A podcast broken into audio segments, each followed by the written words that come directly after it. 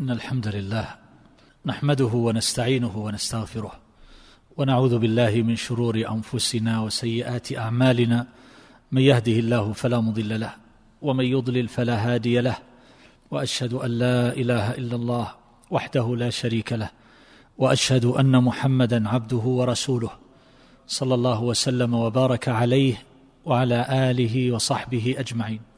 أما بعد فسلام الله عليكم ورحمته وبركاته.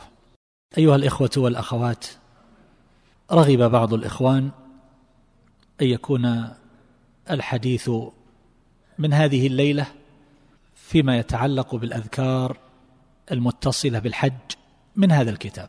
فلا بأس أن نتحدث عن هذا ثم بعد الحج إن شاء الله نرجع إلى أول الكتاب. ويكون في ذلك من الجمع بين المناسبة في هذه العشر وموضوع الحديث الذي عقدت من أجله هذه المجالس وهو الأذكار. قد كنت أجد شيئا من التردد حيث إن هذه العشر لربما تتطلب حديثا في موضوعات أخرى يحتاج إليها الناس. ولكن مثل هذا الاقتراح لعله يجعل مسار الحديث متصلا بهذه المناسبة. فأسأل الله تبارك وتعالى لنا ولكم القبول والإعانة على ذكره وشكره وحسن عبادته. أول ما ذكره هو التلبية. وقد ثبت ذلك في الصحيحين وغيرهما عن النبي صلى الله عليه وسلم. من حديث ابن عمر في صحيح البخاري من حديث عائشة وفي صحيح مسلم من حديث جابر رضي الله عن الجميع في تلبية النبي صلى الله عليه وسلم لبيك اللهم لبيك لبيك لا شريك لك لبيك إن الحمد والنعمة لك والملك لا شريك لك. وهذه التلبية مجمع عليها عند المسلمين بالاتفاق أنها تلبية النبي صلى الله عليه وسلم وأنها تلبية تقال في الحج والعمرة. وقد جاء في حديث جابر رضي الله عنه عند مسلم في إهلال النبي صلى الله عليه وسلم التصريح بأن ذلك عند الإحرام بالحج أو العمرة. فهذا لا إشكال فيه. ولكن مضت الإشارة في الكلام على الزيادة على الأذكار المأثورة عن النبي صلى الله عليه وسلم هل يزاد عليها غيرها من الأذكار التي لم تنقل عنه عليه الصلاة والسلام وذكرنا لذلك أمثلة منها ما يتصل بهذا الموضوع.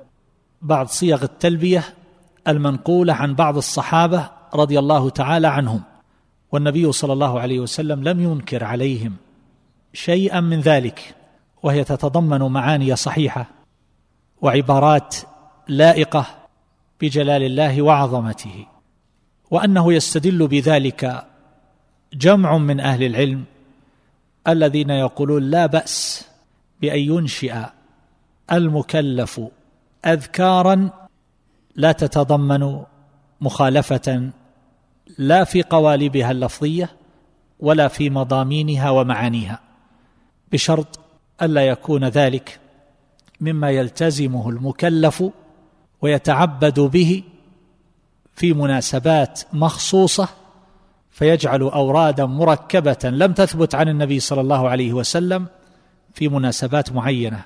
إذا أراد أن يجلس قال ذكرا يركبه من عند نفسه. إذا أراد أن يقوم قال ذكرا يركبه من عند نفسه. إذا أراد أن ينظر إلى الساعة قال ذكرا معينا يركبه من عند نفسه. هذا لا يشرع. ويدخل ذلك صاحبه في باب البدع. وعلى كل حال من أهل العلم من يمنع من ذلك مطلقا وقد مضى الكلام على هذا والمنع نقله ابن عبد البر نقل الكراهة عن الإمام مالك رحمه الله وهو أحد قولي الشافعي. والأكثرون لا يرون بذلك باسا وقد مضى. هنا حينما يقول الملبي لبيك لبيك اللهم لبيك لبيك. هذه الصيغة لبيك اللهم لبيك تعني وتدل على الإجابة. لبيك إجابة لك. لبيك اللهم لبيك إجابة لك بعد إجابة. فكرر الإجابة مرتين. وليس المقصود بذلك بحال من الأحوال أنه يقصد التثنية بعينها. وإنما العرب تذكر ذلك وتقصد به الكثرة. لبيك إجابة بعد إجابة. فهو كما قال الله تبارك وتعالى ثم ارجع البصر كرتين ينقلب إليك البصر خاسئا وهو حسير. ارجع البصر كرتين ليس المقصود أن ينظر مرتين وإنما المقصود أن يكرر ذلك مرات وكرات فهو لن يخرج إلا بهذه النتيجة. ينقلب إليه البصر يرجع إليه البصر خاسئا وهو حسير. اذا حينما نقول لبيك اللهم لبيك أننا نقول إجابة بعد إجابة مرادا بذلك التكثير. فنحن نجيبه تبارك وتعالى إجابة مطلقة لا نهاية لها بلا تردد ولا توقف ولا تريث ولا تباطؤ نجيبه في كل ما أمر ولا نتوقف عنده هل هو من قبيل الواجبات أو من قبيل المستحبات. فإذا أمرنا فنحن عبيده. لا نملك إلا أن نسارع بالإجابة. فحينما يقول المكلف لبيك اللهم لبيك هل يستشعر هذا المعنى؟ هل يستشعر هذا الذل والانقياد والعبودية والإقبال على الله تبارك وتعالى؟ نحن نردد كلاما أيها الأحبة في كثير من الأحيان ولكننا قد لا نفهم معناه وإن فهمنا فقد لا نستشعر مضامينه وما حواه من الدلالات العميقة والهدايات الكبرى وإنما نردده على ألسنتنا دون أن يكون له أثر في واقعنا. ولذلك ذكرت لكم في بداية الكلام على هذه الأذكار أنها تتضمن معاني جليلة. لو استشعرناها لتغيرت حياتنا من أولها إلى آخرها. وهذا مثال بين أيدينا الآن في التلبية. اجعلوه نموذجا بهذه المناسبة في هذه العشر التي نسمع فيها الحجيج يضجون بالتلبية. لبيك اللهم لبيك.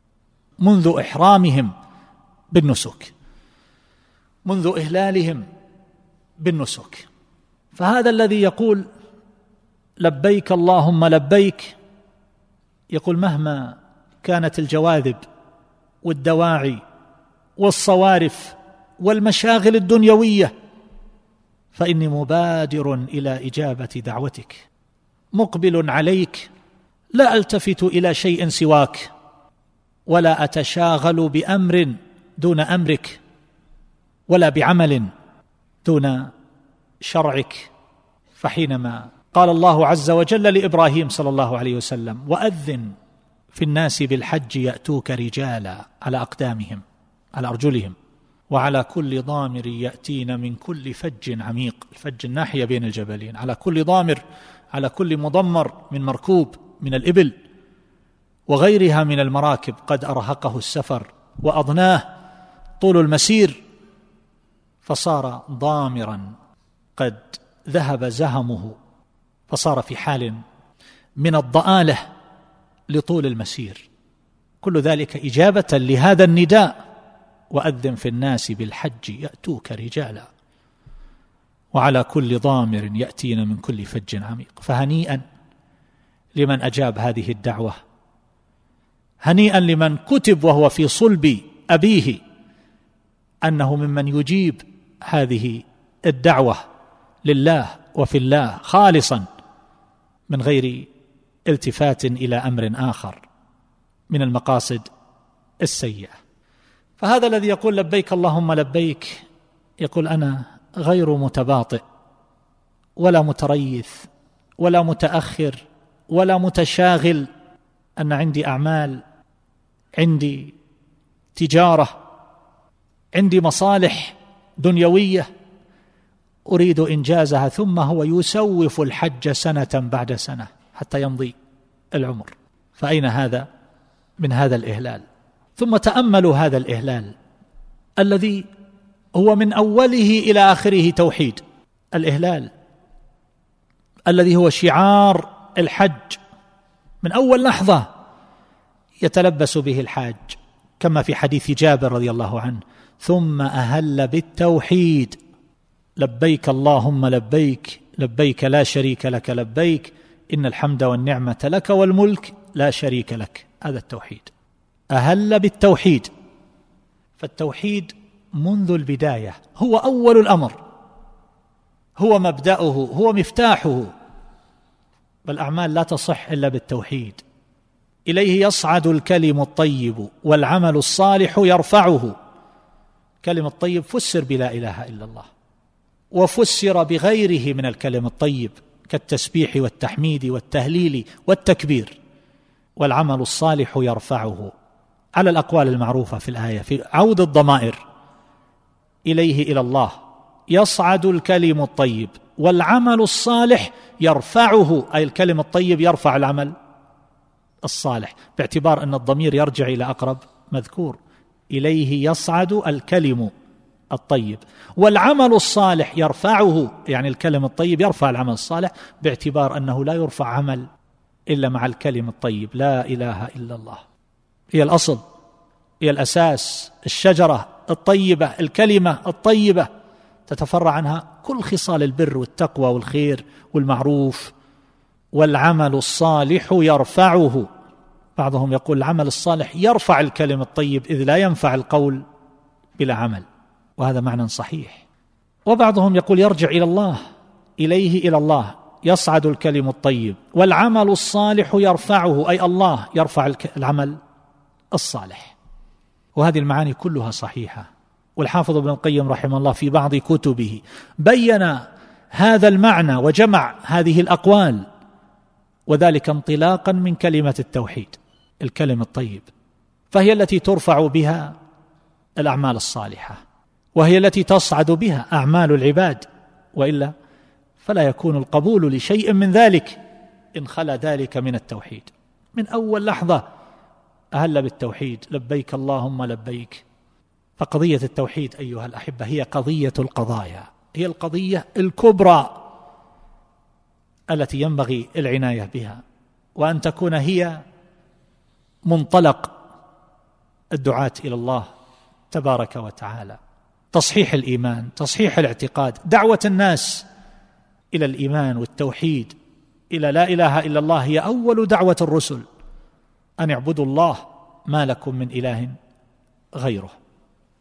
أنس رضي الله عنه يقول في وصفه لإهلال النبي صلى الله عليه وسلم أنه قال أيضا لبيك عمرة لا رياء فيها ولا سمعة.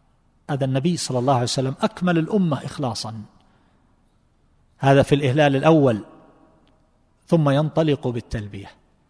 لبيك عمرة لا رياء فيها ولا سمعة.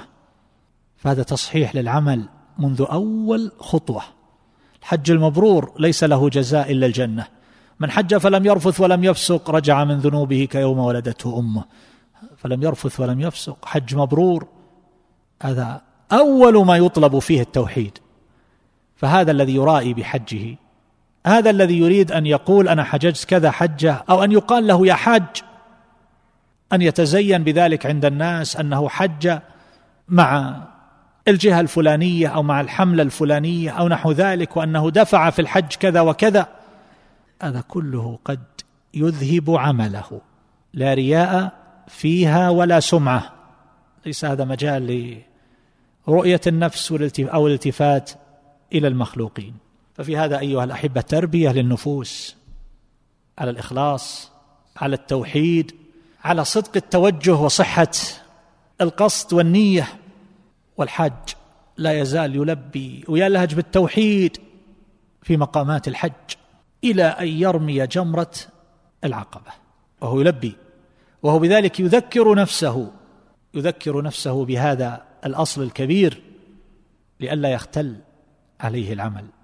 لو كان الإنسان الذي يردد هذا الكلام يستشعر هذا المعنى لصحت عقائد الناس. وسلموا من أنواع الإشراك الأكبر والأصغر. والخفي وصار التوجه لله وحده دون ما سواه ينخلع الإنسان من نفسه أول شيء. وكان استرحنا من كثير من الشرور والآفات والخلافات التي مبناها ومنشأها على مصلحة النفس حظ النفس حظ طائفة معينة أو ما إلى ذلك مما ينافي كمال الصدق والإخلاص. لو كان الشعار كما يقول شيخ الإسلام ما مني شيء ولا لي شيء. وين النفع وجد للأمة؟ أنا معهم. لا ينسب لي من شيء. ابن عباس الشافعي كلهم كانوا يتمنون أن هذا العلم الجم الغفير الغزير أن الناس تعلموه ولم ينسب إلى واحد منهم شيء. لكن نحن لا. مكتسباتي جهودي وجودي في الساحة الجماهير التي تعبت في تجميعها وفي هذا خلاف الإخلاص خلاف التوحيد. لو الناس خرجوا من هذا لانتهت كثير من الاختلافات بين الأخيار بين الصالحين بين الدعاة إلى الله بين المجاهدين. لكن للأسف للأسف كل واحد ينظر إلى أنه أن الآخرين يجب أن يذعنوا وأن ينقادوا وأن يعرفوا قدره ومنزلته وحقه ومستحقه. ومن ثم تبقى الأمة على هذا الحال التي نشاهدها. لا يجتمعون حتى في الشدة. والأعداء يحيطون بهم من كل جانب. ولا يوجد نصوص عند أمة من الأمم في الاجتماع جمع الكلمة كما يوجد عند هذه الأمة. ومع ذلك هي أكثر للأسف الناس تفرقا في عصرنا هذا وإلا عندهم في أصولهم وفي أديانهم من التفرق ما هو أكثر مما عند هذه الأمة. لكن أصبحنا محل شماتة للكفار والمنافقين واستخفوا بنا وصاروا يشمتون ويسخرون ويستخفون ويركبون من الأقاويل والأكاذيب والفرى ما الله به عليم. فهذا كله أيها الأحبة إنما هو بسبب الدوران حول النفس أو حول طائفة دون الأمة بأكملها التي ينبغي أن يرتبط المسلم بها وأن ينظر إلى مصالحها وأن ينظر إلى ما يحصل به عزها ورفعتها دون التفات إلى شيء آخر. هذا هو الصحيح وهذا هو الطريق وهذا هو الذي جاء به الرسول صلى الله عليه وسلم وهذا الذي كان عليه الصحابة. أحيانا تقرأ أسماء في بعض النواحي والله كأنك تقرأ أسماء مدارس روضة وأسماء كتب أحيانا. ما وجدوا ضاقت أسماء الصحابة وأسماء ال... ودخلوا في أسماء كتب وأسماء. لماذا هل المجموعات الكثيرة جدا حتى وصلت إلى المئات على أي شيء؟ والله يقول ولا تنازعوا فتفشلوا وتذهب ريحكم. هذا هو الذي نشاهده الآن. وهذه البلايا والرزايا ما تحل بتغريدات بتويتر ولا تحل تحل بالتجرد لله تبارك وتعالى. على كل حال حينما يردده الفرد فإنه يعالج لو كان يستشعر كل ما في داخله. الأمة بكاملها حينما تستشعر هذا فإنها تكون على التوحيد الصحيح. انظر إلى القبور التي يطاف بها في مشارق الأرض ومغاربها. انظر إلى دعاء غير الله عز وجل. تسمع عند الكعبة بعض المنحرفين يدعو يدعو الحسين أو يدعو فلان أو يدعو فلان من دون الله عز وجل. امرأة تعثر وتسقط ثم بعد ذلك تقول يا فلان تدعو غير الله تبارك وتعالى. ثم يستدرك زوجها ويقول لا هنا فقال عبارة يعني هنا الإله الأكبر. هذا مؤداها ومعناها. وهكذا أيها الأحبة. رأيت من يستقبل جبل عرفات ويرفع يديه وراه جموع تردد. يا جبل عرفات أودعتك أهلي ومالي وهم يرددون. ثم تحاول أن تصحح له أن تنصحه أن تكلمه وهو لا يرد. وهذه الجموع تلهج خلفه. الأمة إن لم تكن كذلك إن لم تستشعر هذا التوحيد وهذه المعاني وإلا فإنها تكون متمزقة متفرقة. تكون أمة هشة أمة ضعيفة تتلاعب بها الأهواء ويتلاعب بها الشياطين من شياطين الإنس والجن كما نشاهد. على كل حال الحديث عن التلبية حديث ذو شجون. وأترك الحديث لليلة الآتية إن شاء الله تعالى. وأسأل الله عز وجل أن ينفعنا وإياكم بما سمعنا وأن يجعلنا وإياكم هداة مهتدين. والله أعلم. صلى الله عليه محمد وعلى وصحبه.